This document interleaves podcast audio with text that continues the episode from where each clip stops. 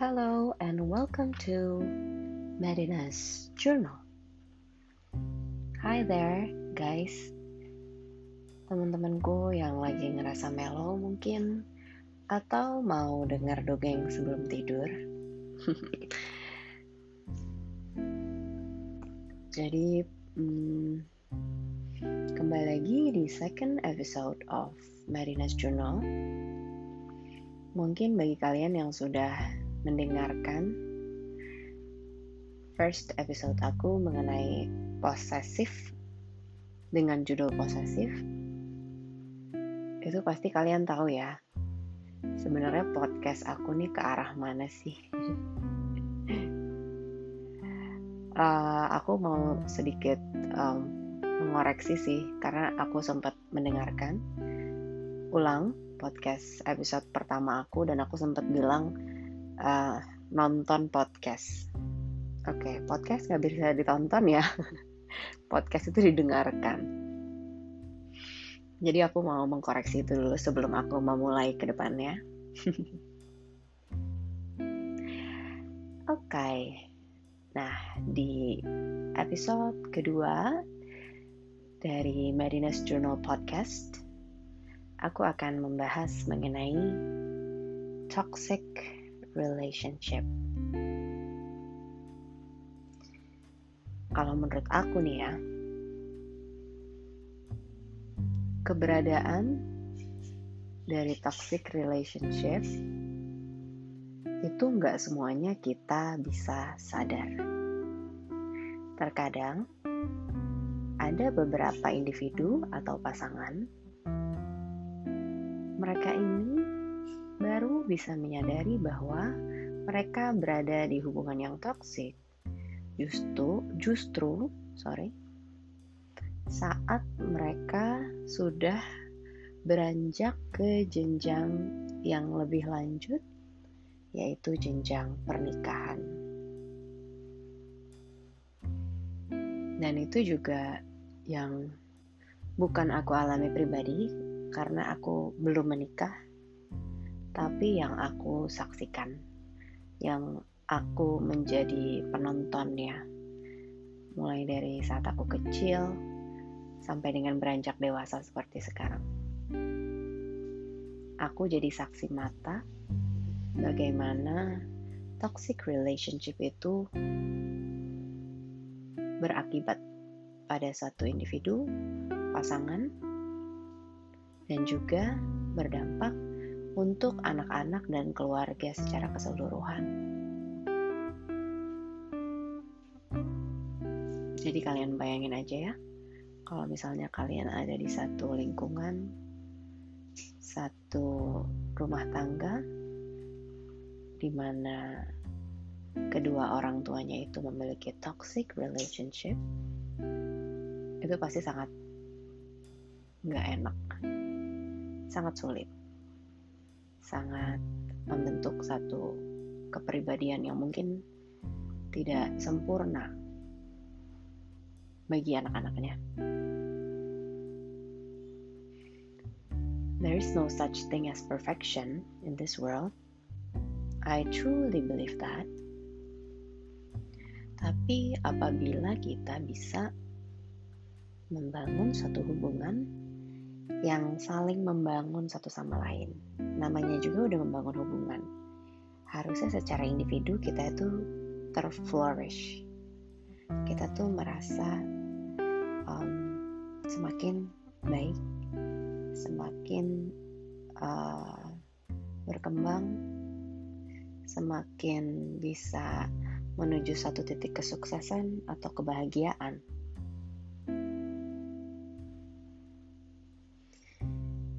Dan ini aku rasakan bukan menjadi tujuan utama dari banyak sekali manusia yang mereka memutuskan untuk menikah.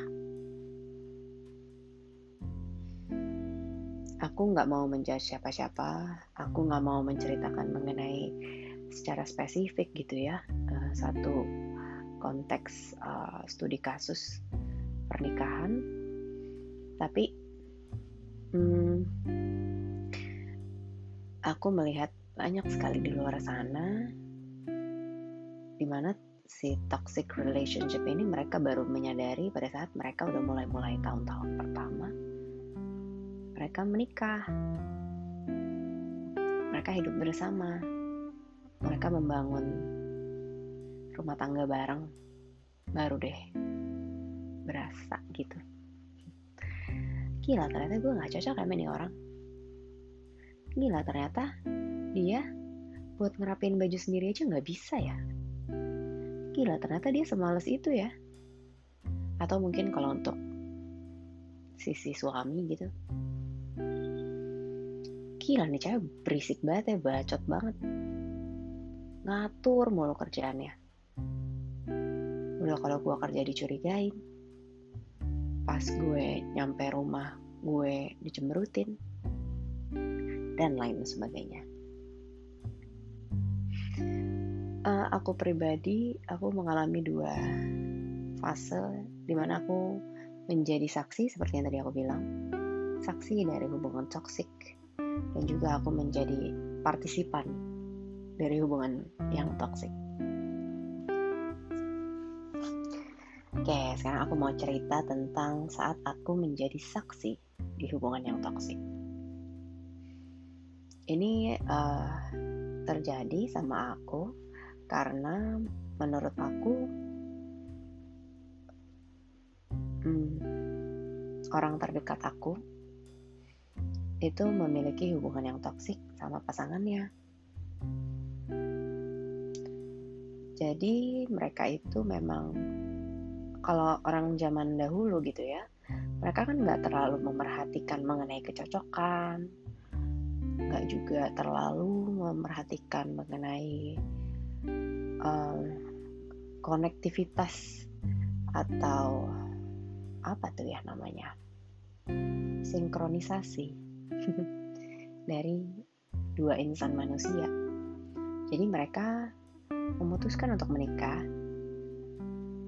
itu kebanyakan karena ngerasa usianya udah pas. Terus ini maaf kalau ada yang tersinggung ya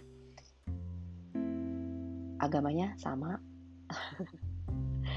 terus dia mau nikahin aku gitu terus ya udah kenapa harus mikir yang lain dan mereka mengesampingkan hal-hal lain yang sebetulnya itu esensi dari pernikahan.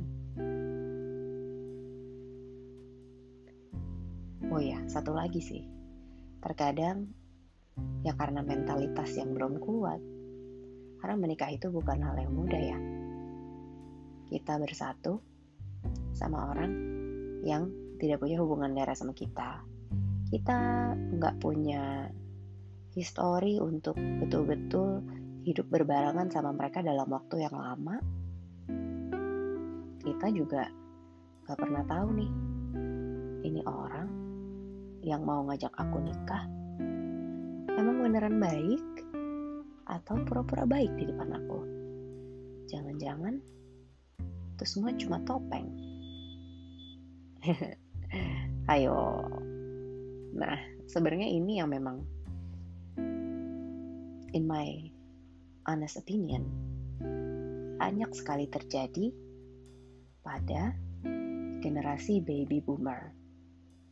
Generasi sekarang juga aku rasa sih masih banyak sih yang mengalami hal ini atau prematur dalam memutuskan untuk mereka melangkah ke jenjang yang sakral, jenjang yang menjadi penentuan kebahagiaan hidup, yaitu pernikahan. Faktor-faktor yang tadi aku sebutkan, aku merasa orang yang paling dekat dari hidup aku ini, kedua orang ini, mereka itu seperti air dan api. Mereka tidak bisa menjadi satu kubu yang sama-sama berjalan sebenarnya. Mereka selalu bertentangan, banyak sekali pertengkaran, bahkan perselingkuhan yang kemudian mengakibatkan orang-orang di sekitarnya mereka nih, mereka yang menikah ini, itu menjadi korban. Korban apa? Korban dari didikan dan juga penerapan karakter atau pembentukan karakter dan mindset yang tidak sehat. Karena kedua hubungan ini dijalin juga nggak sehat. Gimana caranya? Dua insan yang bersatu, mereka hubungan yang nggak sehat, nggak bisa saling membangun satu sama lain, kemudian melahirkan anak-anak yang punya mindset yang sehat. Nggak mungkin. Itu namanya ngayal. Ya, jadi itu uh, yang memang aku alami saat aku menjadi saksi mata dari hubungan yang toxic. Dan itu banyak aku lihat sih. Bukan hanya uh, bukan hanya di orang-orang terdekat aku tapi juga di banyak banyak cerita di luaran sana karena kebetulan uh, nggak tahu ya apakah ini gift ataukah emang cuma feeling aku aja? Atau aku yang kepedean tapi terkadang benar sih. Aku bisa sense something di seseorang di suatu hubungan. Whether it is harmonious or dysfunctional. Jadi ya banyak yang dysfunctional loh seriusan deh. Banyak yang memutuskan untuk menikah di dalam periode yang terlalu prematur. Mereka belum belum memenuhi kepuasan masing-masing kepuasan karir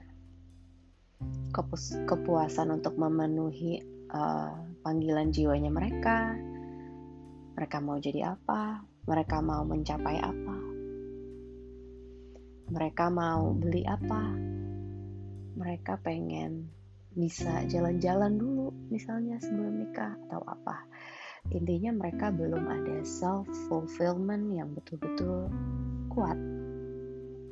Saat mereka memutuskan untuk menikah. Begitupun dengan pihak lawan jenisnya nih ada yang mereka dikarenakan mereka mereka merasa terbebani. Mereka merasa menjadi satu-satunya pihak yang berjuang di dalam keluarga kecil mereka. Sehingga ada beban yang mereka merasa si orang ini merasa gitu ya itu menjadi beban yang dia pikul sendiri saat yang satu, pasangan yang satu merasa tidak puas akan hidupnya dan pasangan yang satu lagi merasa terbebani. Gimana caranya mereka bisa bahagia?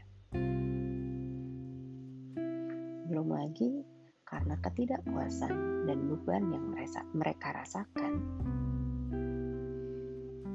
pastinya akan timbul konflik-konflik, mulai dari konflik kecil sampai dengan konflik besar yang karena mereka sudah tidak puas akan diri mereka masing-masing, pastinya akan berujung dengan pertengkaran yang hebat. Mungkin ini aku akan sedikit mengulik dari apa yang aku ceritain di episode 1 mengenai uh, gimana sih aku tuh um, bisa kehilangan orang yang aku sayangi yaitu karena aku tidak bisa menyelesaikan konflik tanpa membuat konflik baru.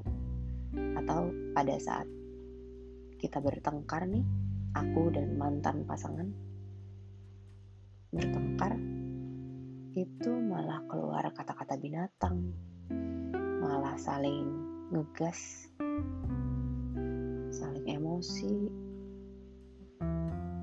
saling menyalahkan, mengeluarkan energi kebencian yang besar banget. Padahal kan sebenarnya kita mau berdamai ya.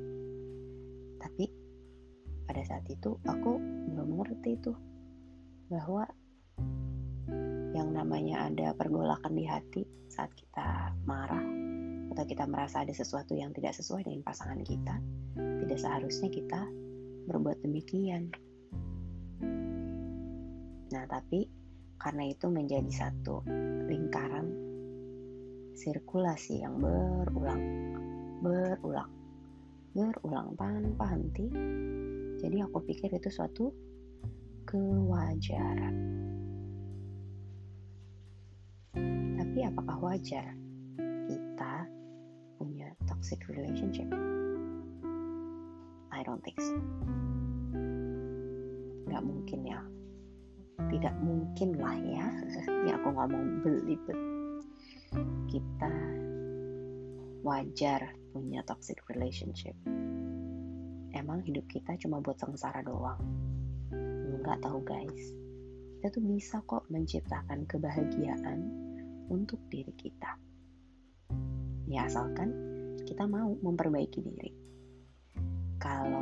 bahasa spiritualnya kita harus bisa memecah karma dari hidup kita hidup kita itu kan adalah rangkaian dari pembelajaran-pembelajaran di mana di dalam pembelajaran itu pasti kita akan membentuk satu kepribadian yang baik dan buruk. Nah, yang buruknya ini, apabila kita pelihara, itu akan membentuk siklus-siklus karma yang membuat kita sengsara. Nah, keberadaan dari toxic relationship baik yang aku sebagai peserta di dalamnya yang aku ceritain di episode 1 ataupun aku sebagai penonton atau saksi mata itu yang menyadarkan aku bahwa aku tidak seharusnya ada di dalam siklus karma seperti ini. Aku harus berubah. Aku harus memaksa diri aku. Aku harus belajar.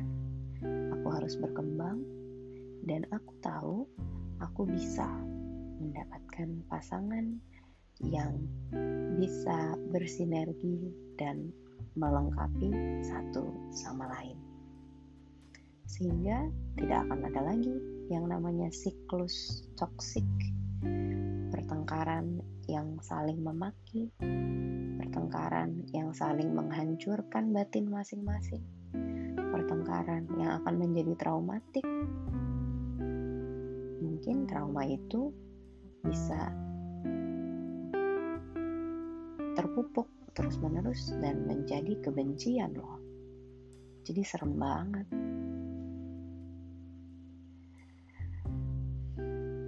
Believe me when I say this. Kita semua di bumi ini tuh lagi belajar. Jadi wajar aja kalau kita jatuh. Wajar aja kalau kita salah. Namanya juga manusia. Tapi sadari juga bahwa satu, kebahagiaan kita itu nggak ada di tangan orang lain. Kebahagiaan kita ada di tangan kita sendiri. Apalagi kalau aku ya berbicara dalam sudut pandang aku sebagai seorang perempuan. Banyak nih perempuan, apalagi perempuan-perempuan Indonesia yang merasa mereka itu lengkap kalau udah nikah. Ya padahal jangan kayak gitu loh. Percaya deh, laki-laki itu justru mencari kebahagiaan dari perempuan.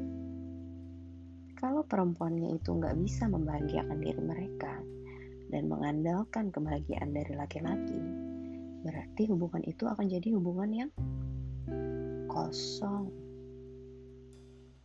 Hubungan yang tanpa arti tanpa makna. Kenali value dari diri kita, kembangkan value dari diri kita. Dan ini yang paling penting. Temukan seseorang yang bisa melihat nilai dan kebaikan dari diri kita dan seseorang pula yang mau untuk terus-menerus mengangkat diri kita dan terus-menerus ingin berkembang bersama kita. Jadi tidak ada yang saling menenggelam, menenggelamkan.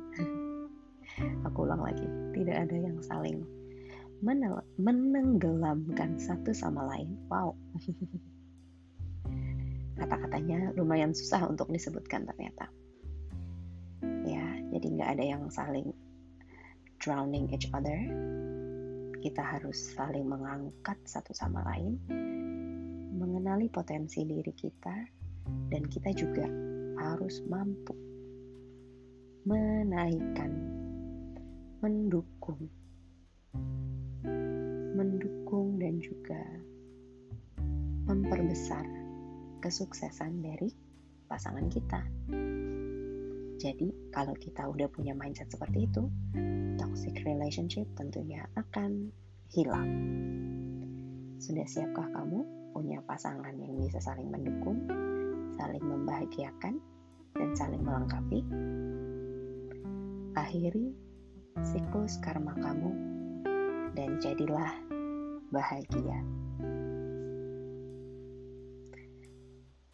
Sekian episode 2 di podcast Medina's Journal. Aku harapkan kalian bisa memetik sesuatu dari apa yang aku ceritakan kali ini dan semoga kita semua harus tetap bahagia dan memelihara jiwa.